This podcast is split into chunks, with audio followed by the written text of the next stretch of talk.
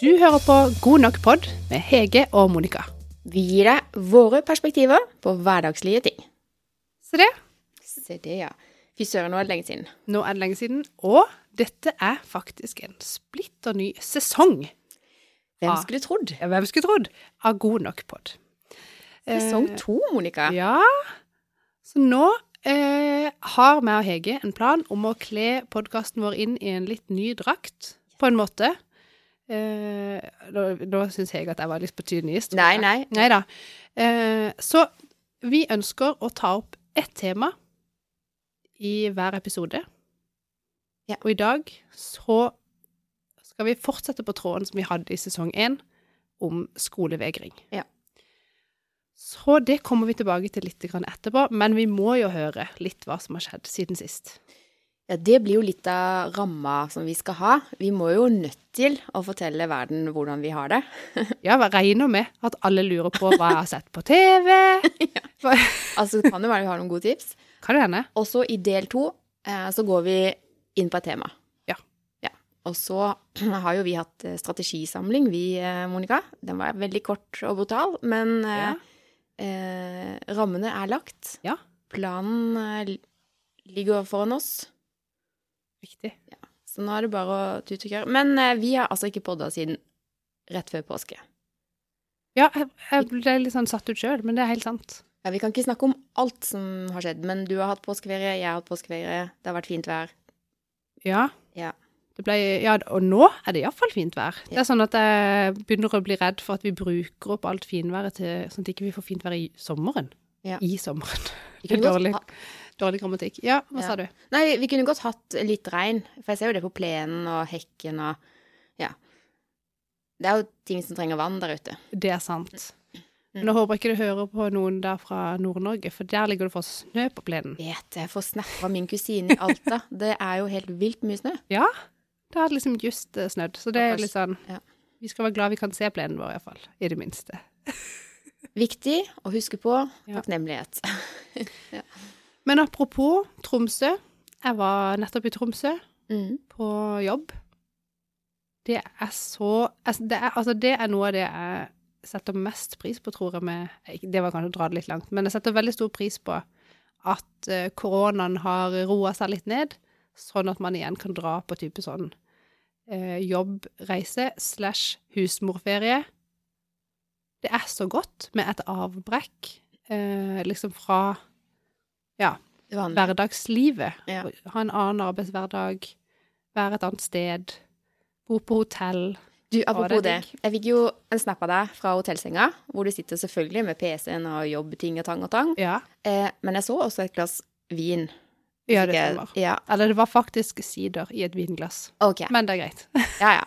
Men da tenker jeg sånn, å, nå koser man seg. Men så sto det meg på, for, for en eller annen podkastepisode for lenge siden, så snakka vi det der om å gå ut og spise aleine. Så jeg tenkte jeg skulle spørre deg nå.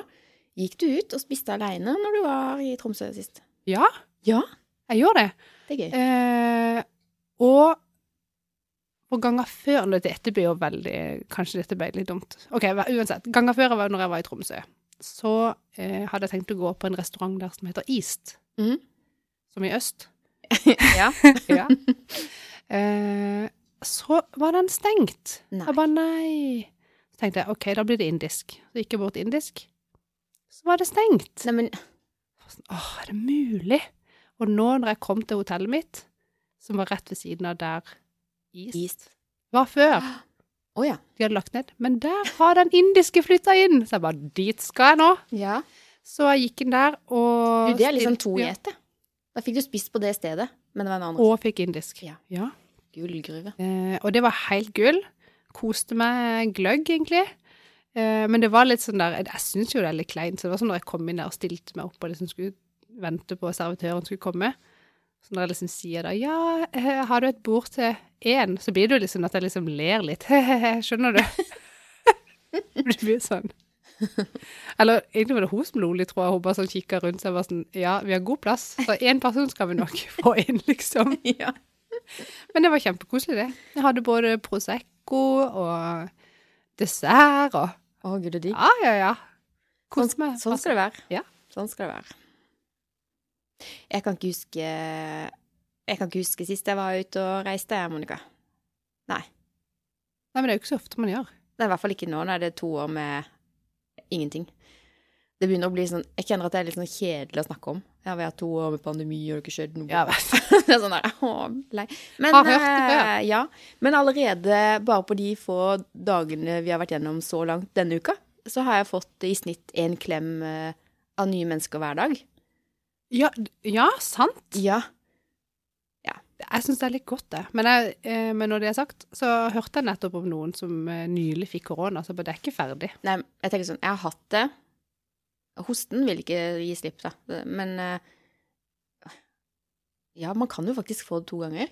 Ja, ja. Ja. Men så tenker jeg Nei, det, jeg vet ikke. Jeg bare kjenner jeg, jeg er så lei av det. Veldig lei. Det hjelper ikke på humøret at eh, Kina stenger ned by etter by og fabrikker og Nei, Absolutt ikke. orker ikke mer. Så nå liksom, så prøver vi å planlegge sommerferie. Ja. Da blir det sånn Skal man drift Altså begi seg ut på noe europatur, eller hva skal man gjøre, liksom? Ja. Så vi har snust litt på Nederland. ja. Det er sånn halvlangt. Halvlangt. Ja. Jeg tenkte, ja, Det blir spennende å se. Tror vi lander på det. Men den der himla båten, vet du, vi har jo fått en ny båt Ja. som går fra Kristiansand og til ja nå skulle jeg si at dere har vel ikke fått en ny båt? Nei. Nei. Men Kristiansand har fått en ny båt. Ja. eh, som går fra Kristiansand til Hva heter det? Emshaven. Å ja. Veldig glad for at du spør meg. Ja, vi snakker om en by i Nederland. Jeg Ja. tror han heter det. Okay. Eh, som er type sånn à la Kiel-ferger, sånn mini-cruise, sant? Ja. Men bildekket, altså der du kan få plass til bilen din. Stuefullt ja, hele sommeren. Hele sommeren? Så hvis vi skal ta den, så kan vi ikke ha med bilen. Oi, oi, oi. Nå vet vi ikke helt hva vi skal gjøre. Men det kan vi jo finne ut av senere. Ja. Trenger ikke dere, kjære lyttere, å bekymre dere for. Men hvis dere vurderte å reise til Nederland med ferja fra Kristiansand, så er det altså ikke mulig å få med bil. Nei, ikke i juli iallfall. Du kan ikke stå i kø hvis noen avbestiller eller noe. Kanskje. Folk får jo korona, har jeg hørt, så det kan jo være det blir litt ledige plasser. Det er sant. Mm. Og pass har du ordna? Eh, nei, men jeg tenkte nå at jeg må melde meg på den der. Du har sett den tjenesten som han uh, Ja. unggutten har lagd, Ja. der du kan betale 149 kroner eller det, Ja. og bli varsla når det kommer en ledig time. Ja. Jeg ville hørt uh, Jo, jeg syns det er en god idé, men jeg tror ikke jeg hadde gidda det. Jeg tror faktisk jeg heller, hvis jeg absolutt ville ha passport, så hadde jeg nok heller bare logga inn hver dag og sjekka. Fordi noen av bestillingene kommer, og jeg snakka akkurat meg som hadde gjort det. Da, men du må ta deg tid til det og inn og sjekke av og til, da. Så dukker Men det den opp der ledige appen sjekker jo for deg. Ja, men å betale for det? Bruker to minutter liksom for å gå inn sjøl og se. Men at han Ja, men da må du jo sjekke akkurat når han- er ledig. har penger, da. De forsvinner jo med en gang de Ja, men hvor mange har den appen, og hvor mange får beskjed om at den timen nå er ledig? Nei, det er sant. Ja, du må jo være før han. Vil du ikke ha den appen, da? Jeg har ikke troa på den appen, men jeg veld, jeg syns veldig jeg har så sans på han der. Den appen funker jo på ett sekund. Du må ikke være raskere enn den. 14 år, og tjener sikkert masse penger på det her nå. Det var helt rå. Dødsgøy. Han så ung, ja. Ja. ja, var det gøy? ja. Altså, jeg har lyst til å sende han penger Ja. i donasjon. Ja. For jeg syns det var så gøy at han var så Ja, det kreativ. syns jeg var dødsgøy. Så uh, det er verdt å støtte. Ja. Si fra hvordan det funker da i praksis. Ja, jeg skal sjekke det ut. Har du forresten plass til flere apper på din telefon? Er det begrensning? Jeg vet ikke. Men Jeg jeg lasta ned en ny en i dag, faktisk. skulle teste en ny eh, frisør, så måtte jeg laste ned app. Ja da. Frisøren. Ikke si det til frisøren min. Nei. Oi. Nei. Det var ikke fordi jeg var misfornøyd, det var bare dette er nærmere. Å ja. Nærmere hjemme. Nå, men eh, apropos frisør, eh, vi kan godt ta to setninger om det. Fordi at min frisør som jeg har hatt eh, siden hun var lærling, eh, hun har funnet ut at hun vil mer enn bare å være frisør, så hun har begynt å studere nå. Oh, ja. Eh, og det er jo sånn å nei, hva skal jeg gjøre nå? Bra for hun at hun gjør det hun har lyst til. Dritgøy. Ja. Hun er jo, altså ønsker hun virkelig alt godt. Og hun sa det at hun kunne komme og klippe meg innimellom, altså. Så Så skjønn. Så vi skal nok finne en løsning. Men eh, jeg vet ikke. Jeg sitter i den her frisørstolen eh, kanskje to timer, av og til mer. Man blir godt kjent. Ja, man gjør jo det. Ja. Eh, så jeg, jeg liker å ha et godt, eh, solid eh, tillitsfullt forhold til frisøren. Det er så sant. Men du kjenner jo meg alltid ut i siste liten, så jeg, selv om jeg har gått på samme frisørsalong nå i ja, hva da? 12-13 år? Jeg husker ikke. Evigheter. Um, siden 2009. Ja. Så kan jeg regne sjøl. Um, så ringer jeg jo i så siste liten at jeg må jo bare ta den frisøren som er ledig. Jeg kommer jo ikke til samme frisør hver gang, så det blir litt sånn. Ja. Så jeg har mista det der eh, Det blir liksom ikke det samme båndet, da. Nei, men hvis det er den frisørsalongen jeg tenker om, så, Ja, det det. så kjenner alle alle. Så det, Ja, det er sant. det. Nei, veldig god stemning der. Ja. Absolutt. Har det skjedd noe annet gøy, da? Har det skjedd noe annet gøy? Eh, det har jo garantert det. Selv om jeg syns jo at hverdagen nå for tida består av mer strev enn gøy. Å, det er litt kjedelig. Eh, og så tar jeg meg hele tida i at jeg blir sånn der Ja, men når vi bare har fått fiksa det, Ja. når vi bare har fått gjort det, når vi bare har fått gjort sånn, så skal det bli Og det er jo det jeg egentlig har lyst til å komme meg vekk ifra. Det har vi jo snakka om før. I sesong én. Lenge siden. For lenge siden. Eh, og da tenker jeg, det må jeg legge en seriøst plan for. Ja. Jeg må ha en seriøs plan for å ha gode nok rutiner til at det blir rom for hygge. Ja. Det er en god plan. Ja. Mm. Eh, Hvordan skal du gjøre det?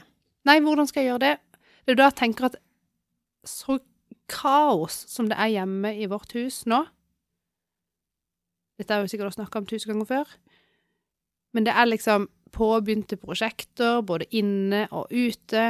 Det er rot. Det er mye gam... Altså, det er så mye gammelt som som henger med fra årevis siden. Rett opp armene. Ja, så det tenker jeg man burde egentlig gått grundig til verks. Brukt noen uker på det.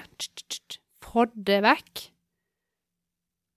Kan ikke ha så mange ting. Det er altfor mange ting. Det er For de av er dere som lytter der ute, hvis Ja. det er noen av dere som er supereksperter på rydding, og som tar oppdrag, ta kontakt med Monica. Ja, seriøst. For hvis noen driver med type sånn Synnøve rydder opp, og har et sånt produkt som jeg kan kjøpe Ja. Det trenger ikke være liksom rydderevolusjon hvor de skal bygge om huset ditt. De skal bare liksom få kontroll på tingene dine. Ja. Eller hjelpe deg å få kontroll. Så er faktisk Det er jeg villig til å betale penger for. Ja. Så ille er det. Så tenker jeg, når jeg da får litt orden, så eh, må det være litt sånn strengt regime på type sånn hverdagslige ting. Det kan jo høres litt kjedelig ut, men jeg tror at hvis man er litt strikt på det, da får du mer tid som du kan bruke med litt sånn med litt bedre samvittighet. Ikke at man trenger å ha dårlig samvittighet fordi om du går og har det gøy når huset er rotete, Mm. men det vil være lettere å gå og gjøre noe gøy med god samvittighet da. Jeg vet ikke. Det må liksom komme til det. Bedre følelse. Ja. Eh, jeg må også ha det sånn, og jeg, jeg, liker veldig godt uh, svigerinna mi som sier «Å ja, men det blir ikke rot hos oss. Vi legger jo det tinga vi bruker der de skal ligge. Får jo lyst til å klabbe til henne. Nei da. Ja, men altså, de har det strøkent, da. Ja, I, er bare sånn, altså, men altså, de har Alle ting har en plass, og når du har brukt det, så legger du på plass. Så, så blir det jo ikke rot. Ja, og da tenker jeg hvis alle ting har en plass, så er det òg veldig fort å rydde de fem tingene som eventuelt ligger feil. Ja. Det er jo gjort på fem minutter. Ja. Mens hos oss nå så er det finnes ikke ledig plass. Men det er Det er bare rot. ja, Det er altfor mange ting. det er altfor mange ting som har fått feil plass, og så er det blitt sånn eh, er det sedvane det heter når du liksom Når du skal trykke en sti, og så plutselig så får du liksom rettigheter til å bruke den stien. Er det det det heter? Uh, vet ikke. Du må ikke spørre meg om sånne vanskelige ting. Nei, men det er noe med det, at uh, kanskje den genseren som ligger der nå i lang, lang, lang tid, det er den plassen den skal ligge på. Det er den dedikerte Ja, sånn, ja. plassen. Sånn, det er ikke rot. Det er der den skal ligge, skjønner du? Kanskje det er Ja. der vi har kommet i huset ditt, eller? Det kan godt være at det er der vi har kommet, men det er ikke sånn det burde være. Burde, burde? Nei. Nei. Og så er det litt sånn, for jeg har jo selvfølgelig lest x antall ryddebøker, sett x antall webinarer om rydding. Ja. Jeg følger ryddefolk på Instagram Ja. og blir inspirert. ja. Blir du det? Eh, Ja, til en viss grad. Men så er jeg jo litt sånn, jeg begynner, for det er veldig gøy å sette i gang ting. Ja. Det er ikke så gøy å fullføre ting. Åh, det er gitt, ja. Det er veldig deilig å ha fullført, men veien dit kan noen ganger bli for lang. Mm. Så detter jeg av. Av og til så må du bare tenke sjøl sånn Hva vil det gi meg å ha et ryddig hus? Og når du begynner liksom å summere opp alle de tinga, Mm. Så tenker jeg sånn Åh, det må jo nødt til å gi deg motivasjon, Monica. Bare, altså, tenk på de følelsene du kommer til å sitte med, og den gleden av liksom bare kunne Ja, nei, det er helt sant. Men sånn, et eksempel. Eh, vi har jo for dritlenge siden fått eh, et tredje barn. Og i den forbindelse så har det da starta en prosess. I sesong én, faktisk. Ja. Det var i 2020.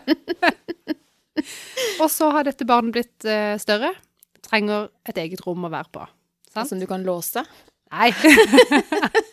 Litt som en fengselscelle. Uh, nei, men da han trengte nytt rom, så da har eldste datter flytta ned i kjellerstue, Ja. som vi har pussa opp. Ferdig prosjekt. Det er bra. Det er ikke verst. Nei. Eller det mangler to skap, men ikke tenk på det. Nei. Hun bor der. Uh, så har mellomste flytta inn på da rommet til eldste datter, sånn at yngste sønn har fått rommet til mellomste sønn. Ja. Og da, i den forbindelse, har vi jo da rydda barnerommet til datter, det hun har hatt. Ja. Fra hun liksom var to år og fram til nå, når hun er snart tolv. Og hun har det største rommet i huset. Det er så mye ting. Eller var. Hva Det var så mye ting. Eh, og da har jeg lært, i en av disse bøkene jeg har lest, eh, at du skal sortere alle tingene i rommet i fire kategorier. Ok. Så da har du en kategori med eh, skal beholde, hører til i dette rommet. Mhm. Og så er det skal beholde, men hører til i et annet rom. Mhm. Og så har du ting du ikke skal beholde, som du skal selge eller gi bort. Mhm. Og så har du ting du skal kaste. Ja. Og så når du har sortert alt det, så sitter du igjen bare med en liten haug som da hører til i det rommet, som du da kan lage et system ut ifra, sant? Ja. Men så den kassa da med ting jeg skal beholde, men som ikke hører til i dette rommet, Å, det er så mye. det er liksom ei kasse med ting. Og den kassa med ting, den står fortsatt der, på det rommet. Og den har sikkert stått der i i alle fall et halvt år. Jeg har ikke savna en eneste av de gjenstandene oppi den kassa. Og da blir det sånn, hva skal jeg med de da, egentlig? Kan jeg bare Kaste ikke kikke på det igjen og lempe det av sted? Men, Jeg kommer ikke til å få et dårligere liv av det. men de ligger jo i den kassa fordi de ikke kunne kastes. Ja, men nå vet jeg ikke hva som ligger der engang. Tenker jeg, men ja, men det er sånn når du ser på ting som Å ja, det er den, og det, det er fint, og det er jo litt gøy. Og ja, de gamle klinkekulene vi har arva, vi kan ikke hive de. Men bruker de jo ikke heller. Nei. Jeg vet. Hvor skal du ha ei, ei eske med klinkekuler? Kan du leie lokaler? Ja, kan sikkert det, men det er så mange ting. Ja. Hvorfor har vi så mange ting? Ungene leker med én ball. Det er den de bruker. Å ja, mine har eh, Vi har en søppelsekk med fotballer og all verden som vi har spart på i alle vi, vi, vi kaster jo ikke ting. Med mindre de er ødelagt, da. Så nå Du har har de, mange fotballer. Ja, fordi nå, nå ligger de For han spilte jo fotball, ikke sant. Så, måtte, og så glemte vi en, så kjøpte vi en ny, og så skulle vi dit, og så har vi glemt en, så kjøpte vi en ny. Ja. Så vi har veldig mange. Og de er nå eh, på trampoline. Så nå bruker de Ja, men det er gøy. Det er gøy. Så det er nesten sånn ballbinge, liksom. Ja. Ja, Ja, men vi har brukt trampoline, men vi har bare én, da. Og så Ja. har vi sånne, du vet, sånne kuler som er sånn ballrom. Ja. Sånn har vi, som, vi kan, som du kan lempe på trampoline. Ja. ja. det har ikke vi. Vi har fotballer, da. Det litt vondt å få i huet. Og, Ja. Men, men det skjer. Good. Nå, eller har du forresten noe gøy som har skjedd i ditt liv som du har lyst til å snakke om? For denne introen ble plutselig veldig lang. Du, altså, kort oppsummert. Jeg har også hatt uh, påskeferie. Det var fint vær. Jeg gikk ikke en eneste dag på ski. Det var, Gjorde du ikke? Nei, det var snaut at jeg klarte å gå opp trappa, og jeg måtte hive til pusten. Jeg skylder på korona. Ja, det kan du. helt gåen. Eh, men gud bedre, jeg har kost meg i sola med hyttenaboer, eh, god mat, god drikke. Ja. Eh, fabulous påske. Eh, og eh, så holder jeg jo på med dette studiet, da. Som vi sikkert skal snakke mer om i en annen podkast. Og så har jeg Jeg kjente på det at jeg hadde nesten lyst til å lage sånn et blogginnlegg om alle hattene jeg har. For det er liksom Hattinnlegg. ja, det er liksom daglig lederhatten, det er uh, veileder-coach-hatten, det er uh, webdesigner-hatten, det er liksom Komfug-hatten, FAU-hatten, Nå begynner det å bli så mye hatter Må ikke glemme mamma-hatten. Det er, liksom, det er en paraply, det. Ja, Ja. det er riktig. Og podhatten, ja. Eh, så jeg er litt inni tanken på eh, kanskje å velge bort noe. Ikke podkasten, da. Og, men kanskje noen av disse frivillighetsverva. Det er veldig Det skal jo være frivillighetens år i 2022, hørte jeg snakke om Ja, i mange av de her nyttårstalene. Ja. Um, men jeg føler at nå, nå har jeg gitt nok. Jeg har gitt så mye av min tid at eh, jeg får ikke tid til meg sjøl, skjønner du. Jeg skjønner det veldig godt. Så jeg tror faktisk at jeg snart skal sette brems. Og jeg kjenner veldig på det samme. Men så finner jeg ikke ut hva jeg skal velge bort. Nei, det orker ork. Og så når jeg tenker åh, det der der gir meg egentlig ikke noe glede. Jeg blir sliten av det. Jeg gruer meg nesten til å liksom gjøre det og det. Da burde du velge det Men, bort. men så klarer jeg ikke å si nei. Nei. Og nå, det siste som skjedde nå, var at jeg fikk tredd nedover hodet en oppgave Nå snakker jeg om meg sjøl igjen, hører du? Ja. I love it. Mer fokus på deg. Jeg fikk tredd nedover hodet eh, en oppgave om å arrangere en frokost for musikantene i Sogndal skolekorps på 17. mai klokka 08.00. Er det da du kan bruke det ordet noob? Du har akkurat kommet inn i det her miljøet, så det er klart de utnytter deg på det grøvste, for alle de andre har vært gjennom dette her. Du er sånn, sånn assistent. Det er kjempegøy. Jeg skal eh, bruke min makt til å delegere arbeid. Ja. Lurt. Ja, det kjenner jeg. Fordi eh, på 17. mai Jeg har jo tre barn. De skal jo gå da i tre forskjellige steder i toget. En i korps, en i barnehage, en i skole. Min mann skal gå i flaggborg forrest i toget. Hvis jeg da skal stå med noen rundstykker eller noe i bunad med en baby Det går jo ikke an. Nei, du De kan ikke forvente det av meg. Jeg blir, lære deg å si nei, Men jeg ble ikke spurt, jeg fikk bare 'dette skal du gjøre'. Å nei, det er jo faktisk eh, Er det lov? Nei. Nei, det er faktisk ikke det. vil ikke. Det er bare å si 'jeg beklager', det går ikke. Hvis det betyr at jeg må ta min sønn ut av korpset, så gjør jeg det på 17. mai. Nei da. Stakkar. Nei. Nei, eh, men dette må du jo finne en løsning på. Ja. Men være- eh, over til deg igjen. Ja, Nei, men altså Ditt liv høres mye spen mer spennende ut. Jeg har, jeg har noen ting på gang som jeg ikke vet om jeg kan snakke om ennå, eh, og det gleder jeg meg til at jeg vet at nå kan jeg snakke om det. Eh, det, det er jo spennende. Ja, Hemmeligheter. hemmeligheter. Eh, nei, så det er gøy. Ja. Eh, nei, det skjer ikke så mye, Monica. Det er de samme tinga dag ut og dag inn. Men vi feira akkurat eh, Jeg holdt på å glemme det i år òg, da. Eh, Tools Event, som er faktisk det selskapet som jeg skal ha den største hatten på, egentlig, Ja. i, under paraply mamma-paraplyen. Det eh, går jo forholdsvis greit. Og nå hadde vi elleveårsjubileum. Det er lenge. Elleve år. Ja, det er elleve år siden vi stifta det, og når vi stifta det, så hadde vi egentlig produktet klart og bestemt oss for at ok, vi, vi gjør det. Ja. Ja, så da Så vi begynte jo å utvikle på denne Spotless Po før det også, men da var det liksom nei, nå, nå selger vi det til flere. Og da stifta vi selskap. Og nå er det altså elleve år siden. Vi burde jo ha spretta champagnen eh, når vi hadde tiårsjubileum. Det glemte vi. Eller, Altså, det ble ikke prioritert. Og så slo det meg i går at eh, kanskje vi skal bare sprette en flaske med bobler i kveld. Ja. Men så fikk jeg superhyggelig besøk, eh, og det varte hele kvelden. Så da ble det ikke noe da heller. Det er sånn det er. Det er sånn det er. Livet skjer.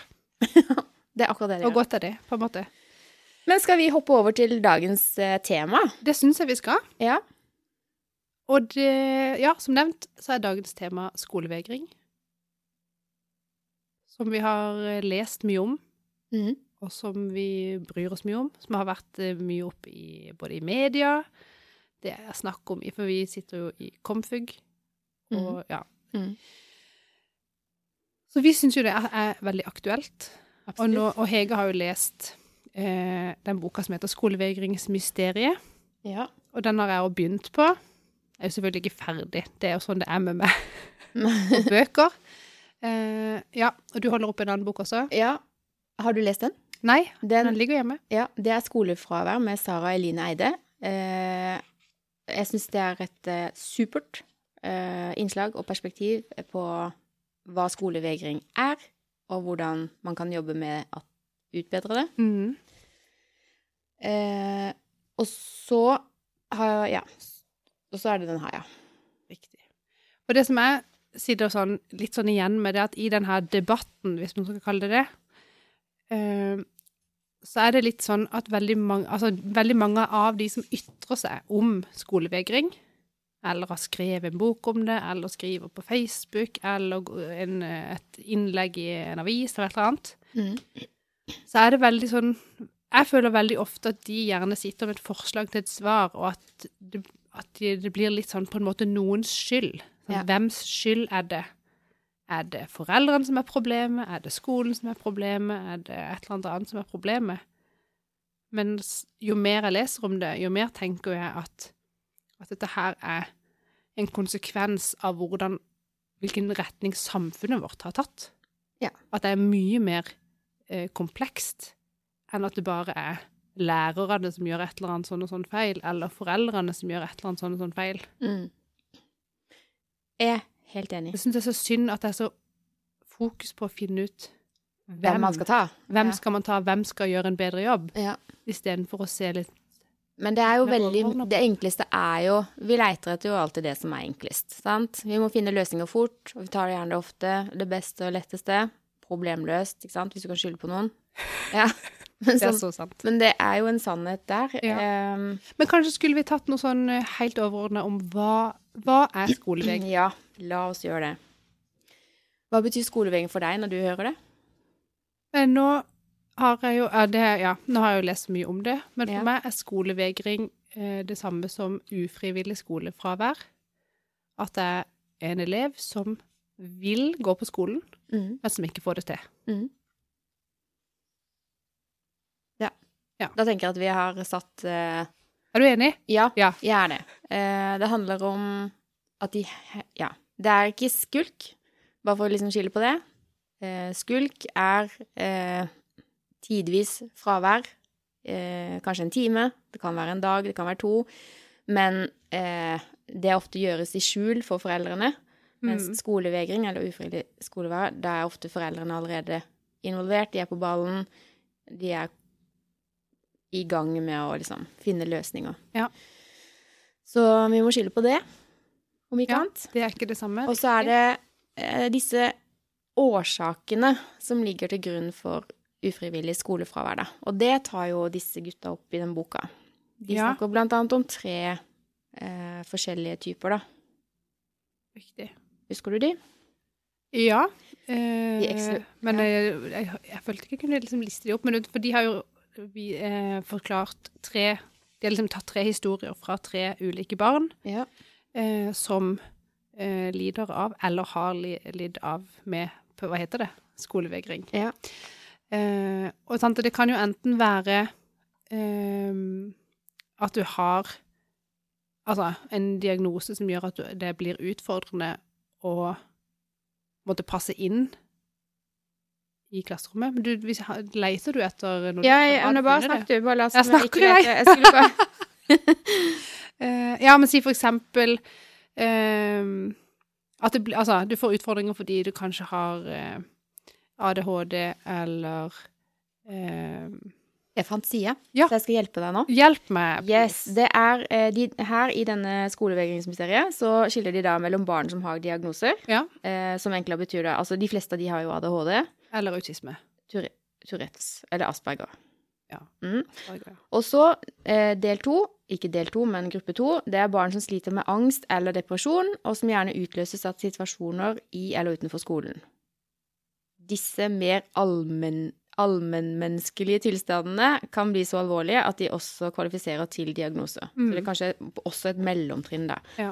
Og så er det en tredje gruppe, som er barn som opplever mobbing. Altså dårlig skolemiljø, altså utfordrende forhold hjemme som påvirker dem uavhengig av om de har diagnoser eller er disponert for psykiske lidelser. Ja. Så det er de tre Altså de som eh, har eh, sånn diagnoser som er litt tøffe, eh, og så er det de som har da angst og depresjoner, og så er det de som blir mobba. Det er de tre gruppene som Ja. disse viser til. Og de er jo selvfølgelig veldig Altså, det er jo Hva heter det for noe? Mm. Omfattende Eller sånn eh, Det er veldig overordna. Ja, Og så det jo, kan det jo veldig gjerne være en kombinasjon Absolutt. av disse. Men jeg syns det er veldig interessant at sånn å se på at det trenger ikke å være at du lider av alvorlig angst eller depresjon, men det kan jo være relativt små ting eh, som gjør at du kanskje blir hjemme fra skolen over en liten periode. Kanskje sykdom eller en skade eller et eller annet Mm. som gjør at du faller litt ut, som gjør at det blir litt vanskeligere å komme tilbake. Og hvis du da får en negativ opplevelse, så skal det kanskje ikke mer til at det bare blir helt forferdelig å gå på den skolen. Mm. Og så, jo mer du på en måte Altså, jo lengre tid det går fra du på en måte går vekk fra skolen, da, og til du kommer deg tilbake, jo vanskeligere blir det jo. Ja, det gjør det. Og du kan, tenker jeg da, godt sammenligne det med langvarig sykemelding, eh, altså fravær fra jobb. Ja. Eh, for det er ikke lett å komme tilbake på en arbeidsplass hvor ikke du har vært på lenge. Eh, for ting skjer mens du er borte. Tida står ikke stille. Ting er i endring. ja. Det kan være kulturen som endrer seg, både på skolen eller på arbeidsplassen. Altså, det er så vanskelig å sette fingeren på hva, den, på hva det er som skal liksom tippe og få vedkommende tilbake igjen, da. Absolutt. Jeg tror det er hyppigere endringer i en åttende klasse enn det er på en arbeidsplass med voksne. Ja, det tror jeg òg. Eh, Og det skal så lite til før du på en måte er ute av gjengen. Jeg vet jo ikke nødvendigvis hvordan det er å være elev i dag, men jeg husker jo fra jeg gikk på ungdomsskolen sjøl, eh, hvor da var det typisk sånn noen sånne spesielt jentegjenger som bare liksom i fellesskap bestemte seg for i dag skal vi fryse ut den og den personen. mm. Og så Jeg Altså, tror dessverre at uh, akkurat det fenomenet er større i dag. Ja. Men sant, det er jo ikke nytt. Nei. Det har jo vært sånn. Du ser jo åssen de holder på i russe... Hvem hadde ikke fått skolevegring hvis de plutselig kommer på skolen og sier nei, men du får ikke være med, og så ingen begrunnelse? Ja, Helt sykt! Ja, så når man begynner liksom å nøste litt i hvordan ting er på, på skolene rundt om, så er det jo eh, De er regelrett slemme med hverandre. Men for å spore kanskje bitte grann av det også, hvis vi kan nevne litt om de russegreiene. For nå har jeg bare fått med meg bitte grann av den debatten òg, selvfølgelig, som alt annet. Eh, og når jeg tenker russebuss, så tenker jeg Bærum. ja. Ja, Men de har kanskje russebuss andre steder også. kanskje, ja. Eh, men jeg kjenner at jeg blir Jeg blir så sint når til og med liksom foreldrene kommer på banen og skal liksom hjelpe altså Kommer og blander seg inn i at de andre elevene må forholde seg til regelverket og kontrakter. Og hvis ikke du går med sånn og sånn tøy, så er det liksom bare på huet og ræva ut. Mm. Ja, det er Hvor, hvor bærer det hen, liksom? Ja, jeg tok mot meg altså, Jeg delte en sånn artikkel på Facebook eh, etter at eh, det her debatten hadde vært med de russekandidatene, russekandidatene, holdt jeg på å si. Ja. Eh, og jeg kjenner at jeg blir, jeg blir så provosert. Eh, det er en stund siden jeg var russ, men jeg husker russetida mi svært, svært godt. Eh, til tross for at det var alkohol inne i bildet på den tiden også. Men jeg husker eh, at eh, tilbake altså til 93 da jeg var russ, så, så, så skjedde det såpass mye teit eh, at og hvis alle de tingene har blitt verre, så er det ikke greit nå. Og jeg har ikke lyst til å liksom forby russetida, men du må kunne gå an å skrenke russetida inn og få normalisert russefeiringa litt mer. ja, for nå varer jo russetida hele videregående. Ja. Det er jo nest Altså, det er jo helt uh, voldsomt, må jeg jo si. Jeg var- jeg er helt i sjokk. Jeg husker jo sjøl Du er jo i en sårbar fase i livet. Man er egentlig kanskje alltid sårbar, da, men at det er litt sånn hvis du ønsker å være en del av noe, og du ikke får bli med, Mm. bare en bitte liten ting, Ja. det kan være kjempevondt. Ja, absolutt. du er da sånn blir stengt ut av Ja. Hele videregående skole. Men, men det slo meg òg Og nå er- sporer vi bitte grann av, men Ja, vi det, det. vi, vi tillot oss sjøl det. Ja. Eh, men det slo meg litt sånn Hva slags eh, Hva slags mennesker og arbeidskollegaer skaper vi med å tillate det som skjer? Altså, vi foreldre må jo sette foten ned og si at dette her er ikke greit. Ja, men her er jo foreldre med jo- på problemet. Ja, og, men altså, vi, vi Da må de få seg en snakkis. Ja. Eh, jeg, jeg kjenner bare det koker over hvis det skal være sånn, for disse foreldrene, da, som, som du sier kanskje fyrer opp under dette her, Ja. hva slags kollegaer er de? Er det sånn at oi, nå kom vi på jobb i dag, men vet du hva, han der Frode der borte i kroken, han skal vi fryse ut i dag. Altså, hva er greia? Holder de på sånn i jobb? Hva slags kollegaer og mennesker og venner er de? Nei, men det, det, jeg det, men, og det, nå er vi jo egentlig tilbake litt på temaet, syns jeg.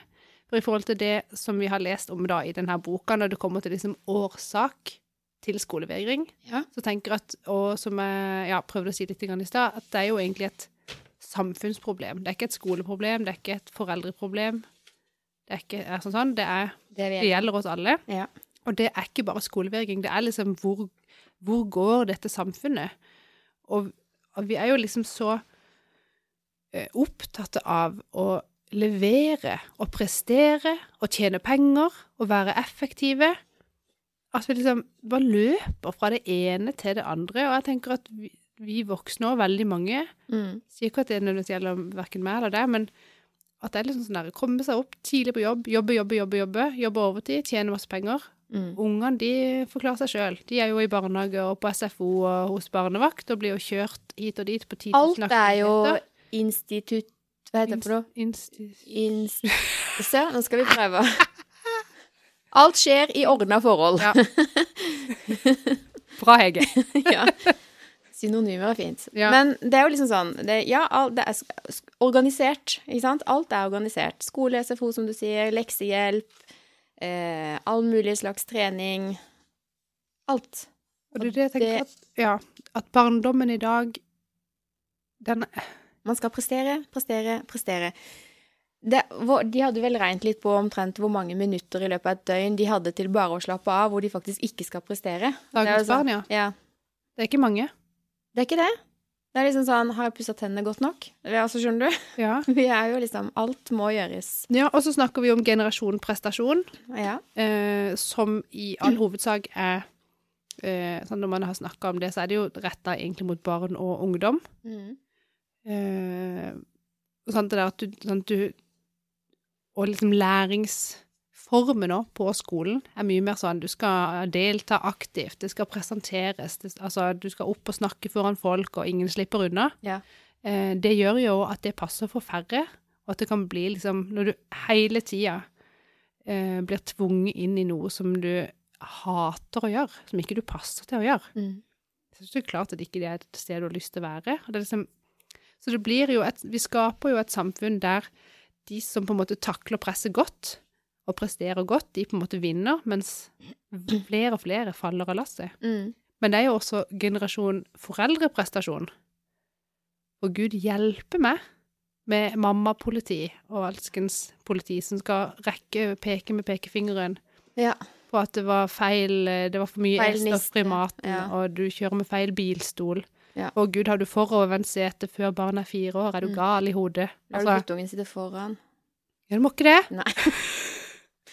Nei, det er Ja. Det er litt for mange politi der ute. Eh, og litt for lite Kan man si Nei, vi kan ikke si det.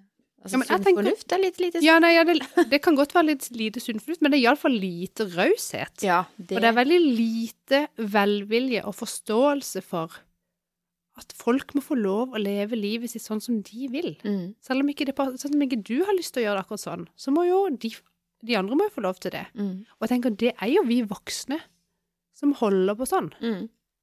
Og jeg merker eh, Nå har jo jeg vært litt sånn åpen om vår situasjon, men eh, bare kort om det, så, så har jo vi en sønn som sliter med skolevegring. Og jeg kjenner jo at eh, jeg, jeg kjenner jo sjøl på den der prestasjonen når du møter foreldre. 'Å ja, min sønn han er så flott, og han gjør ditt, og han får ditt til, og han har de karakterene', ikke sant? Det er jo et jag for oss foreldre òg. Vi skal jo ha de beste barna. Vi skal ikke bare ha den beste bilen og det kuleste huset og vaskehjelp. Skjønner du? Vi skal ha de beste barna òg. Ja. Eh, og det blir litt sånn ehm, Jeg har de beste barna, jeg.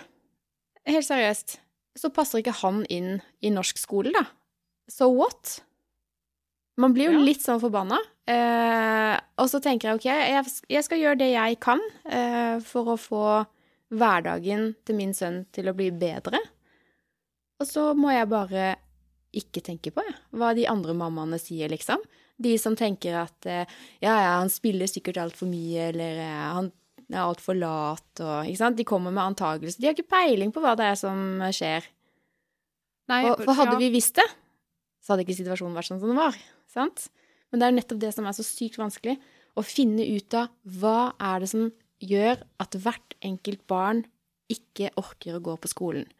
Er det mobbing? Er det lærer? Er det, er det prestasjonene? Er det gruppene? Er det det at de sitter ved siden av en som lager smattelyder? Skjønner du? Ja. Det er altså så mange mulige årsaker og kombinasjoner av ting. Det er forferdelig vanskelig å finne og jeg tror jeg har mista troen på at det fins én løsning fits all. Kommer ikke til å skje. Men jeg tror på en, en mer utvida asfaltvei, hvor sjansen for å ramle over i grøfta, som vi snakka om, mm. eh, for å bruke det bildet på det, eh, blir mye større. Altså man må det er litt, Jeg vil heller ha litt sånn bowlingbane for barn, hvor du løfter opp disse kantene og ballene ikke kan renne på utsida. Ja, vi, vi, vi må få på plass de der Ja. gjennom hele grunnskolen. Vi har ikke råd til å miste noen ut eh, av grunnskolen. Vi har sikkert råd til å miste noen Altså, man kommer seg opp igjen. Jeg har hørt heldigvis nå i det siste mange gode eksempler Ja. på at barn som dropper ut av skole, ungdomsskole, de kommer seg inn på veien igjen. Ja, det er helt riktig.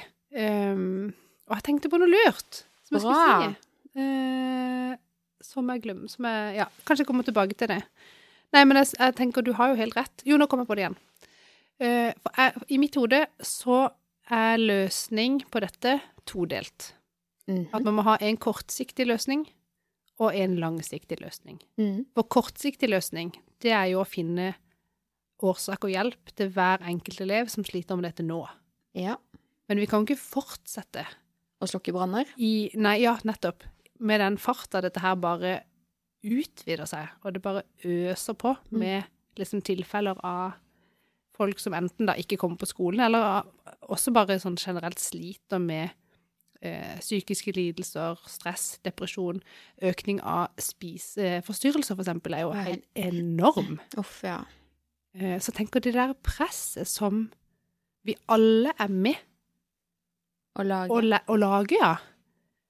Det tenker jeg vi må ha en langsiktig løsning på å gjøre noe med. For jeg tenker at vi kan ikke ha et samfunn hvor, hva da, en tredjedel av menneskene passer inn, mens de andre egentlig faller litt sånn utenfor og blir sånn overflødig. Mm.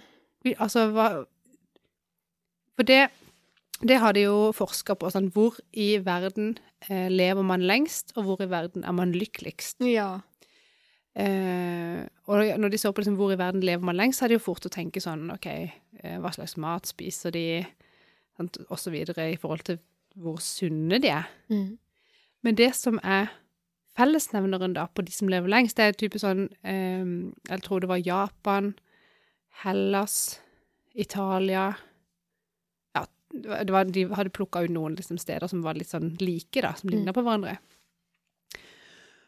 Og da er det ikke det at de spiser så mye olivenolje. Det er ikke derfor. Det er fordi at de har typisk sånne samfunn der du lever sammen i storfamilier, Mm. og du blir aldri pensjonert. Nei. Det er ikke sånn som i Norge, at når du er 67, er det ingen som har bruk for deg lenger. Og det er jo litt sånn at hvis du faller ut forbi det som alle kaller for normalen, eller det som Å, det er sånn her du burde gjort. Mm. Hvis ikke du passer inn i det, så vil du jo med en gang føle Hvis du føler på at du er mindre verd Det er ikke så lett å tenke positivt da. Er ikke det? Og bare finne energi til å Jeg bare lager min egen vei. Noen gjør det, Mm. og de skinner jo fram. Mm. Men det er nok Ja. Ja, så jeg tenker sånn som du sier, man må ha opp de der eh, Alle disse barna må liksom Det må være plass til alle. Ja, og det er plass til alle, men det, det er liksom De får utdelt en haug med nøkler, og så er det noen som eh, må leite veldig etter sin nøkkel, da. Skjønner du? Altså Ja. det er sånn Eh, når er det liksom Ja. Nei, jeg gleder meg til eh, vi finner eh, den nøkkelen som låser opp døra til Yes, her. Det var her det var. Um, og så håper jeg det skjer fort for alle. For det er altfor mange. Og nå har jo vi hatt veldig fokus på dette her i flere uker, og lest eh, det vi kommer over på nyheter og så videre med tema. Og det ser jo ikke ut som at dette er noe som går over i morgen. Nei, dessverre. Um, og så er det mange der ute som har forslag til løsninger. Men jeg tror at man må begynne å snakke sammen. Disse forskjellige instansene. For jeg syns det er for mange med, og det er um, taushet. Ikke sant? De har ikke lov å snakke sammen, alle de her etatene som skal hjelpe dette barnet. Barnet må formidle sin historie, som de egentlig ikke helt vet sjøl, ikke sant? Nei, de er jo barn. Ja, og så er det, så er det kanskje mange, for eksempel eh, Ja, de skal snakke selvfølgelig med en lærer, det er selvfølgelig en pedagog på lærer, altså avdelingsleder, det er PP-tjenesten, kanskje flere fra PP-tjenesten, de skal kanskje innom ABUP og snakke med flere der. Eh, det er jo så mange. Ja, ja. Helsesykepleie, Familiens hus. Familiens hus. Det er ekstremt mange dette barnet må fortelle sin historie til. Og dette barnet har en, en åpning. De har kanskje liksom La oss si at de har 15 minutter, da, som de orker å snakke om dette her. Mm. Eh, og hvis da ett av disse instansene får høre, da, og som liksom får sjela, så har de taushetspliktig. De kan ikke dele. Da er det opp til oss foreldre liksom å signere på at ja, men det du har hørt og notert av min sønn, det, det får du lov til å dele, sant? Jeg føler ikke alltid det heller. hold og holdt Nei, det gjør ikke det. Eh, glemte da- legen, da. ja, sa du legen. Uh, legen, legen. Skal, nei, jeg skal ikke ta den videre. Nei. uh, det kan jeg ta etter vi har skrudd av. Uh, men det, ja, fordi Det som jeg tenkte på Åh, Hvorfor får jeg sånn jernteppe hele Jeg vet ikke, jeg vet tror du tenker for for mye, og så blar du i boka, og så Ja, for jeg vil- Ja, nå vil du så mye. Jeg vil så mye. Ja. Men hvis du har en løsning, så kom med den. Nei, jeg har jo dessverre ikke det. Nei. Um, nei, gud, kanskje det kommer tilbake etterpå. Men jeg tenker at det er Men vi oppsummerer litt, da. Ja. Vi har snakka om hva skolevegring er. Vi har snakka om eh, hva slags type barn er det som kan havne, som later til å være liksom gruppene her. Ja.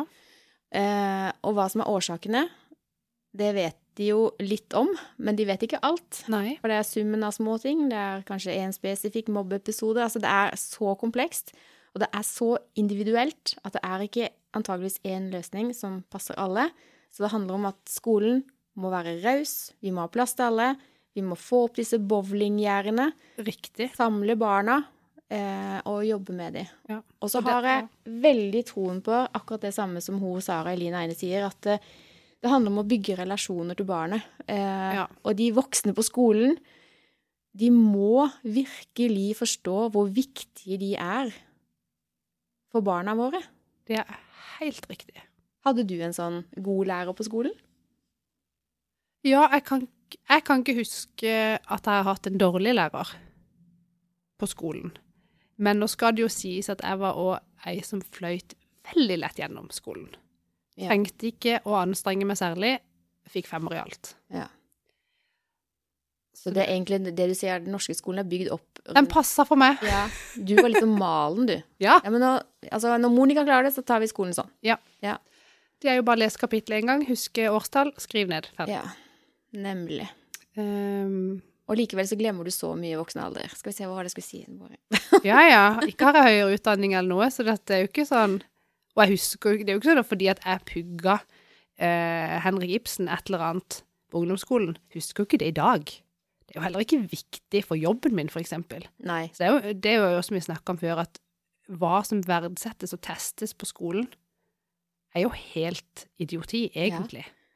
Så det er liksom De skal prestere eh, på kun én måte, som ikke passer for alle, sånn at noen føler seg helt fullstendig dritt på skolen. Mm. Og i tillegg skal de testes på litt sånn der tullete måter i å huske fakta som Mm. de egentlig ikke trenger å huske. Mm. Og så er det sånn, det, det slår meg også veldig mange ganger at eh, sånn som tiende trinn, i hvert fall der som sønnen min går nå, der er det ekstremt mye teoretiske fag. Altså tiende klasse, der er det ikke mye fysisk eh, bevegelse, altså. De har to timer gym eller noe. Mm. Utover det så, så er det en teori, eh, et teoritrinn. Eh, og hvis ikke du er glad i teori, så er det klart at da kan jeg forstå at ikke du trives der. Ja. Og så slår det meg litt sånn De snakker jo om i denne boka at det er jo det er så mange I motsetning til da vi var unge, da, eller snakke for meg sjøl, når jeg var ung, så var det ikke så mange alternativer. Jeg kunne skulke skolen uten at mamma fikk Altså, mamma hadde sikkert fått en telefon, men hvis jeg hadde skulka skolen, hva hadde jeg gjort da? Jo, da hadde jeg antageligvis sittet foran eh, TV-en og sett på MTV. Det kunne jo sikkert Ja. vært godt. Men jeg hadde kjeda meg Ja, ja. på en annen måte enn det barna gjør i dag. Fordi at det finnes så mange alternative eh, steder å gå, da. Altså Ja. hvis man er hjemme, så kan man sitte og spille, man kan være sosial med andre. Det er flere plattformer som de viser til i denne boka. Altså alternativet til å gå på skolen, da. Mm. De er flere.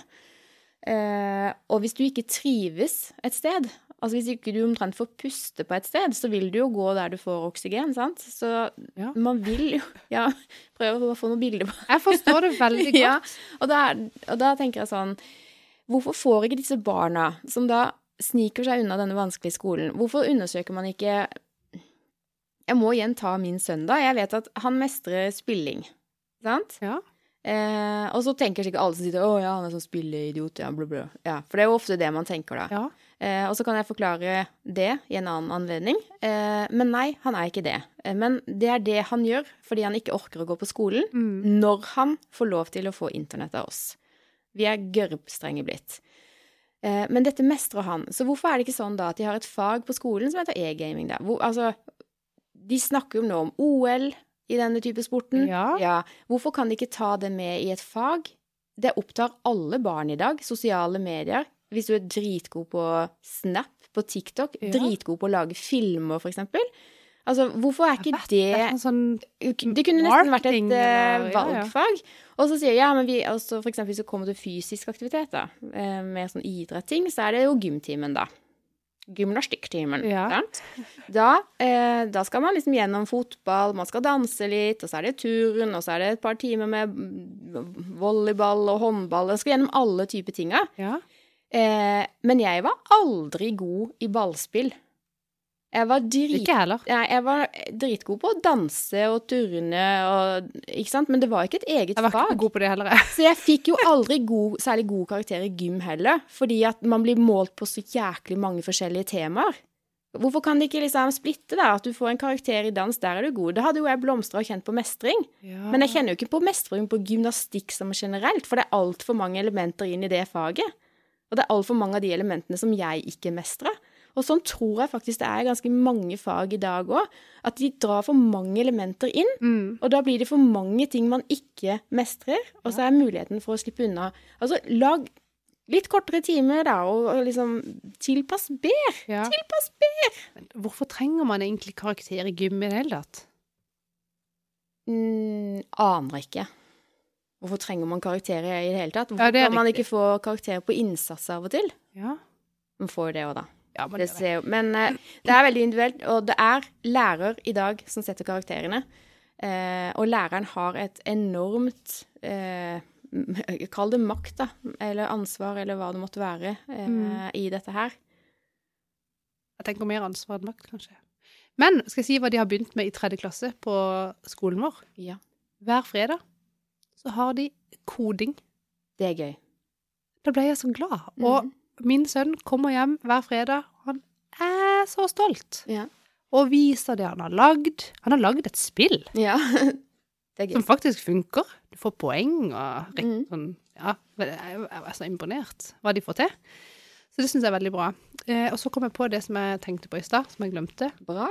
Eh, fordi nå Det som jeg har sett litt sånn i media og type Facebook nå, er at eh, foreldre får litt sånn kritikk for å på en måte klage for mye, Mm. kreve for mye, både på vegne av sine barn og at da Og jeg, jeg kan se at det er utfordrende at for eksempel Nå vet jo ikke jeg hvor mange foreldre i en klasse som én og én går på en måte og i hermetegn klager og vil ha tilrettelagt ting for sitt barn. Ja, hva klager de på, egentlig? Har du noen eksempler? Jo, men øh, hvis for eksempel jeg tenker at eh, Nei, men dette her er jo ikke tilrettelagt for min sønn. Hvis ikke dere gjør noe da, så funker ikke det sånn og sånn og sånn, eller si Mm. barnet lider av skolevegring, eller et eller annet. Du trenger tilpasning. Mm. Eh, og hvis ikke skolen ordner det av seg sjøl, så er det jo foreldrene da som kommer og setter krav Ja. til skolen, sant? Og jeg kan forstå at det på en måte er litt sånn tungvint, fordi det er jo taushetsplikt. Du vet jo ikke noen ting om de andre elevene i klassen, du vet ikke noe om helheten av klassemiljøet. Nei. Jeg er jo ikke der på skolen og ser hva som skjer, og hvem voksne gjør hva, Nå er du i kjernen i på noe som jeg tror er et av hovedproblemene til at ting ikke funker, og det er nettopp det. Ikke det at de har taushetsplikt sånn, men at de ikke At de jobber litt for mye på individuelt nivå. At Ja. ikke de ser gruppa som helhet. Få inn mobilteam, se på dynamikken i klassen. Viktig. Hvis de har en person som kanskje heller vil være i den andre klassen, switch om, la det flyte Ja. litt, raushet, få det på plass. Altså fleksibilitet. Absolutt. Det er jo så tungrodd. Veldig. Men jeg forstår òg Altså, jeg forstår at det er utfordrende. Ja, ja, Men jeg forstår også at foreldrene kommer løpende, fordi det skjer jo ikke noe. De ser at de sitt barn strever år etter år etter år etter år, og de bare ser at livet bare Ja. eh, Fordi Og det som er med Ja. oss foreldre, da, det er sånn at enten så har du et barn som eh, gjør det bra i alle fag, og så slipper du å bekymre deg, Ja. eller så tror du at de kommer til å evne i en eller annen grøftekant. Og så er det ikke noe imellom. Man blir litt sånn Man blir litt sort-hvitt når man sitter der eh, og er bekymra. Ja. ja, for det er jo fort å Kanskje ikke nødvendigvis bekymre seg, jo, det gjør man jo Jo, òg. det gjør man. Eh, men at man blir litt sånn du er, Jeg kjenner iallfall på noen ganger at jeg er jo helt desperat etter å vite at jeg har gjort mitt beste Ja. for at mine barn, og nødvendigvis også andres barn, skal ha de beste forutsetningene for å kunne velge fritt den dagen de blir voksne eller ungdommer, og skal velge retning på hva de har lyst til å gjøre. Ja. Jeg har ikke lyst til å være grunnen til at de mister en valgmulighet. Nei. Og det er det som er. Og Det er er det er litt sånn eh, Når man sitter i en sånn situasjon som mamma, da, og ting skjer, så så kan man ikke gjøre noe med det som har vært. Man kan sitte og angre og bruke energi på det. Det Eller man kan bruke energien på det som skal skje fremover, og ha fokus på at eh, hva kan vi gjøre for at ting blir bedre enn sånn det er nå. Eh, og dit har jeg endelig kommet, eh, og jeg tenker at eh, jeg kan ikke gjøre noen ting med det som har skjedd. Det er riktig. Hvis noen er interessert, så skal de få gjerne få høre historien, og jeg kan gi dem noen tips eh, for hva jeg mener vi burde ha gjort tidligere. Ja. Helt ok. Men nå er det full fokus på det som er igjen av skoleåret, eh, og ikke minst aller mest fokus på det som skal skje i august.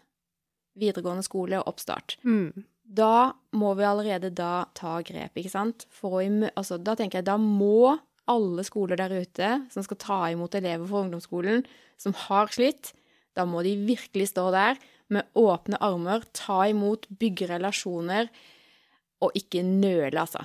Da må de bare stå på. Mm. Absolutt. Så jeg håper at eh, Jeg tipper at alle lærere følger med. Det er jo Er det ikke nå det er sånn eh, lønnsoppgjør og altså sånn Vi kommer til å høre masse Masse om lærere Ja. framover. Ja. Hvor mye de sliter. ja. Og Ja. Nei, jeg, jeg, gode lærere som bygger gode relasjoner til barn, fortjener lønna si, uten tvil.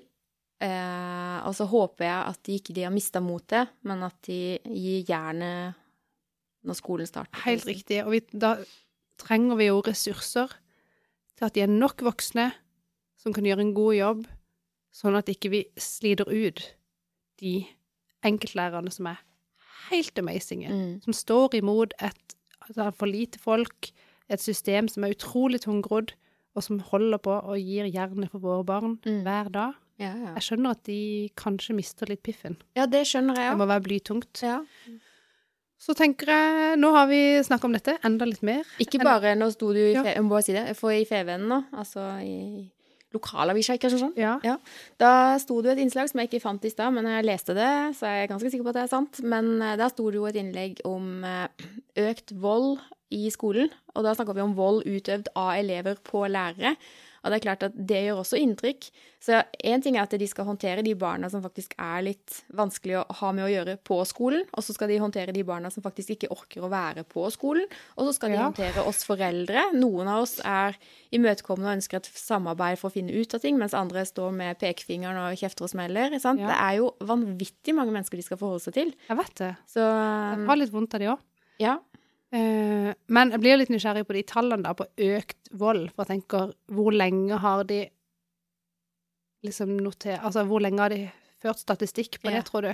Jeg tenker jo at de bare noterer de hyppigere. Ja, når jeg ser hvor lite statistikk det er å finne på fravær og skolefravær og avvik og alt sånt, så eh, Ja, så stiller jeg også meg spørsmål til tenker at det. det er jeg, tr jeg tror ikke Dette er min Jeg tror eh, Jeg tror ikke det er nok Jeg tror ikke folk er flinke nok på å rapportere til at man på en måte kan stole på sånne tall, da. Jeg tenker at det har vært at elever som har vært utagerende det, Men det kan godt Ja. være jeg gikk gjennom grunnskolen litt blind og med sånne skylapper. Men jeg kan ikke huske å ha opplevd at medelever har vært voldelige og slått lærere, at det har vært vold, eh, og at eh, noen liksom bare uteble og aldri kom på skolen mer, eller Nei, skolevegring kan jeg ikke huske. Skulk, det drev folk med.